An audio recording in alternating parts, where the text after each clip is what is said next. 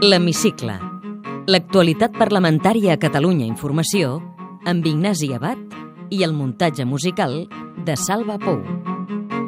El govern llança un missatge de tranquil·litat davant l'alarma generada pel primer cas de contagi del virus de l'Ebola a l'estat espanyol. Dijous, el conseller de Salut, Boi Ruiz, va explicar en comissió que Catalunya està preparada per qualsevol eventualitat. A l'Ébola, en tot cas, vindrà de fora. Estem preparats perquè si ve de fora no entri i si entrés tenim els protocols establerts amb tota seguretat de detecció perquè això no produís un efecte en cadena. Ruiz va recordar que s'han activat dues vegades el protocol de l'Ebola a Catalunya aquest estiu i que hi ha hagut una vintena de casos sospitosos. Hem tingut 24 o 26 casos de que podríem estar davant d'un èbola. Hem ingressat dos persones, mm, possibilitat alta de que fos un èbola, sense que això tingués una transcendència des del punt de vista de l'estat enemic general.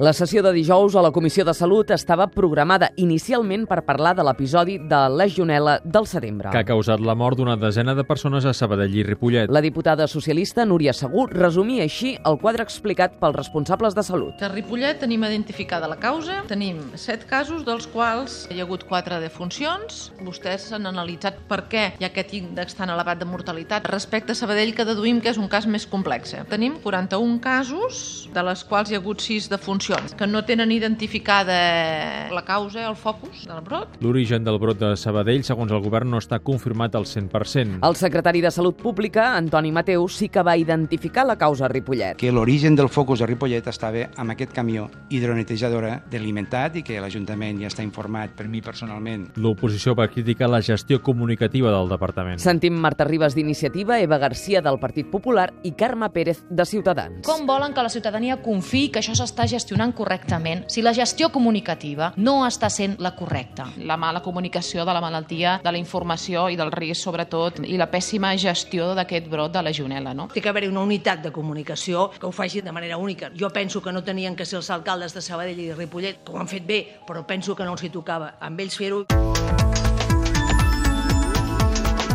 El Parlament ja té projecte de pressupost pel 2015 que frega els 52 milions d'euros. Gairebé un 2% més que aquest any. S'aprovarà el ple de la setmana que ve. Aquest dijous, a la mesa ampliada, va obtenir el suport de CiU, Esquerra i el PSC. La resta de grups es van abstenir i Iniciativa Esquerra Unida no va voler participar a la votació. I és que pels diputats es manté la supressió de la paga extra mentre que els funcionaris de la cambra la recuperen. Lluís Coromines és vicepresident segon del Parlament. Els diputats aquest any tampoc cobraran la 14a paga, sí que ho cobraran els funcionaris i, per tant, doncs, el que farem serà el que creiem que hem de fer. Donar exemple, hem de ser els últims a recuperar aquesta paga. Aquesta decisió es va prendre després que la CUP proposés a la mesa que els parlamentaris es mantinguin al marge de la recuperació de la paga extra. Ciutadans també hi estava d'acord. La mesa també s'ha compromès a proposar una reestructuració dels sous dels diputats que inclogui les percepcions per desplaçaments. que actualment no tributen el mateix que passa a la resta de parlaments autonòmics.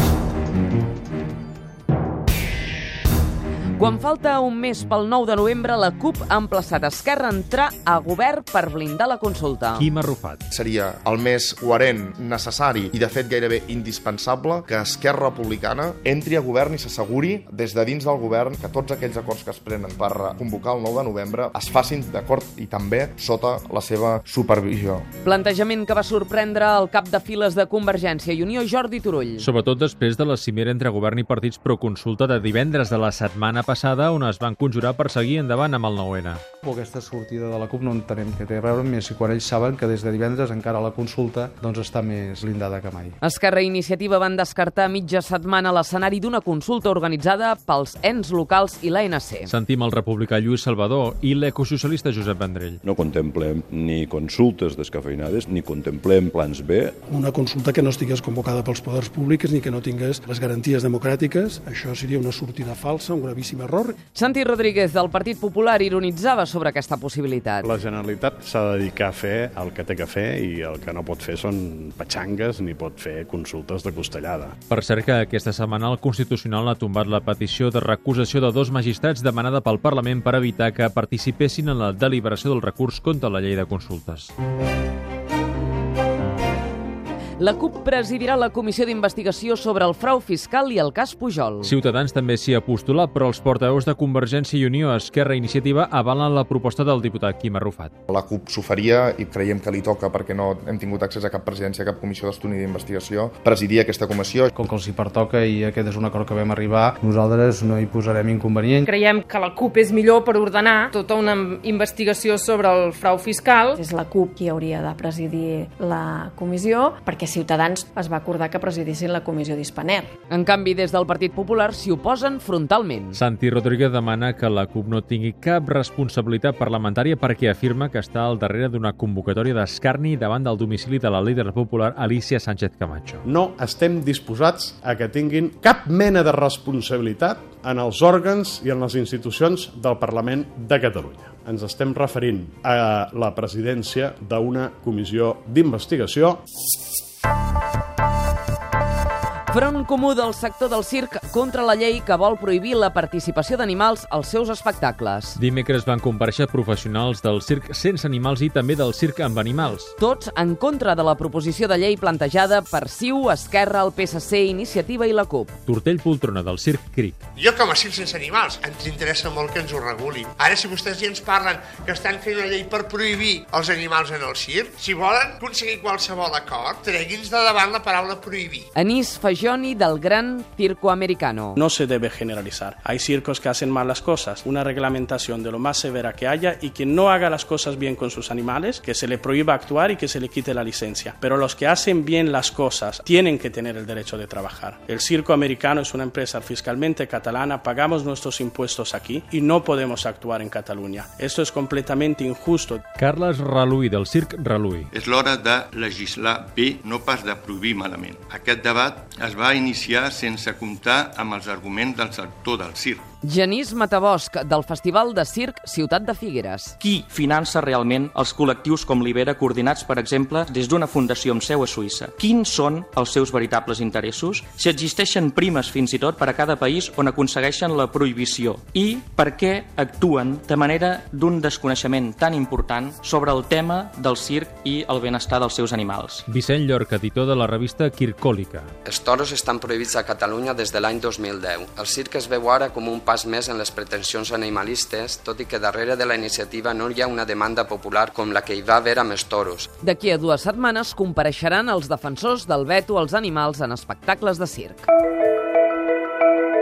La Comissió d'Afers Institucionals han aprovat el dictamen sobre la llei d'acció exterior i relacions amb la Unió Europea amb els vots en contra del Partit Popular i Ciutadans. Està previst que rebi el vistiplau del ple la setmana que ve si cap grup porta el text al Consell de Garanties. Sentim Mireia Canals de Convergència i Unió. I Juan Milian del Partit Popular. Fixa delegacions, fa una distinció entre el que són les delegacions a l'exterior i la delegació a la Unió Europea. S'ha de reconèixer de totes maneres que amb la ponència s'ha millorat una mica el text inicial, però sigui com sigui, el text continua sent caòtic, com nosaltres entenem que això és més que res una contrarreforma de la llei d'acció exterior de l'Estat, votarem en contra. També va al ple de la setmana que ve la llei d'accessibilitat. Que va rebre el suport de la Comissió de Benestar aquesta setmana amb l'única abstenció del Partit Popular. De les resolucions aprovades en comissió aquesta setmana en destaca una sobre el projecte Castor, plantejada per CiU. Reclama a l'Estat que els ciutadans no hagin d'assumir la indemnització pel tancament de la plataforma gasista. Sentim la convergent Anabel Marcos. Ah. I el popular José Antonio Coto. Un pagament de 1.350 milions d'euros a l'empresa que haurà de ser repercutida als ciutadans amb el pagament del rebut del gas durant 30 anys. Aquesta quantitat és part de la quantitat real que hauran de pagar els ciutadans, amb una xifra aproximada de 3.000 milions d'euros. Vostè ha parlat de 3.000 milions d'euros que s'han de retornar. Sap quan ens ha costat el sobrecost de la línia 9 del metro?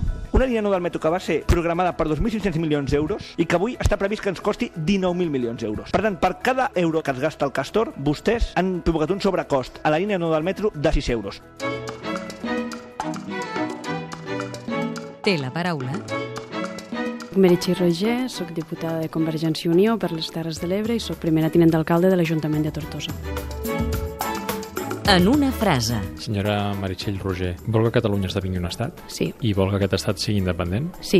La consulta del 9 de novembre es portarà a terme? Esperem que es porti a terme, jo hi confio. Hi haurà eleccions anticipades? Primer hem de veure què passa a partir del dia 9 de novembre. eh? Jo espero que no. Una reforma constitucional pot ajudar a l'encaix de Catalunya dins Espanya? Jo crec que ara això ja arribaria tard. Està per un referèndum sobre monarquia o república? És que crec que aquí a Catalunya aquest tema no, no és el nostre tema. Què l'indigna més? La falta de respecte pel nostre país a dia d'avui, pel que fa a les institucions de l'estat espanyol. Quin sentiment té cap a l'expresident Pujol després de la confessió d'aquests diners no declarats a l'estranger? Respecto a la figura del president Pujol pel que ha estat aquests anys i pel que ens ha deixat a- al nostre país i en tot cas esperar respostes i veure com evoluciona aquest cas. Ha cobrat o pagat mai en negre? No, Posaria la mà al foc que el seu partit ningú ha comès mai cap irregularitat? amb tot el partit jo crec que estem parlant de coses molt àmplies, no, no crec que sigui el cas. Percep símptomes de recuperació econòmica? Jo crec que molt a poc a poc, però sí que hi ha símptomes de, de que hi ha recuperació. De què ha treballat vostè abans de fer de diputada? Soc advocada col·legiada al Col·legi d'Advocats de Tortosa i a banda d'això he estat gerent al Consell Comarcal, després ja vaig entrar a l'Ajuntament a- amb dedicació i també sóc professora associada de la Universitat Rovira i Virgili, actualment també de la Universitat Teuses. De petita ja li agradava fer discursos? Sempre m'ha agradat molt, eh? sobretot ja quan ets delegat de classe, des de jove que m'ha agradat molt tot el tema polític. Un destí per un viatge de plaer. Florència, per exemple. Quin llibre ha llegit aquest estiu? Ens he llegit Victus perquè encara el tenia pendent. Quin art li agrada més? M'agrada molt la pintura de, del segle XIX i si hem d'agafar una tipologia m'agrada molt l'impressionisme. Un pintor? De gas. Quin plat li surt més bé? Cap, sóc molt dolenta a la cuina. Com reparteix les feines domèstiques a casa? Per sort, el meu marit hi col·labora bastant. També tinc molta ajuda de, de la meva mare, per sort. Quina és la cosa que l'omple més a la vida? Està amb ma filla. Amb quin sex símbol compartiria una estona? Potser quan era petuta amb algun futbolista, eh? En este cas, mira, li diria que l'Audrup. Quin diputat o diputada d'un altre grup fitxaria pel seu ideologia a banda? El Marc Sanglas, perquè considero que és un diputat molt brillant i que porta molt bé els seus temes. Alguna mania o superstició? Soc molt ordenada i això fa que moltes vegades la gent del meu entorn pues, estigui una mica cansada de mi perquè necessito que estigui tot amb un ordre molt establert. Quan acaba un ple, com desconnecta quan torna cap a casa? Truco a, a la meva filla si puc, que no estigui a l'escola, això, i puc parlar una estona amb ella i després normalment una mica de música pel camí. Senyora Meritxell i Roger, moltes gràcies. Gràcies a vosaltres. Podeu tornar a escoltar aquest programa i recuperar els anteriors a catradio.cat barra hemicicle.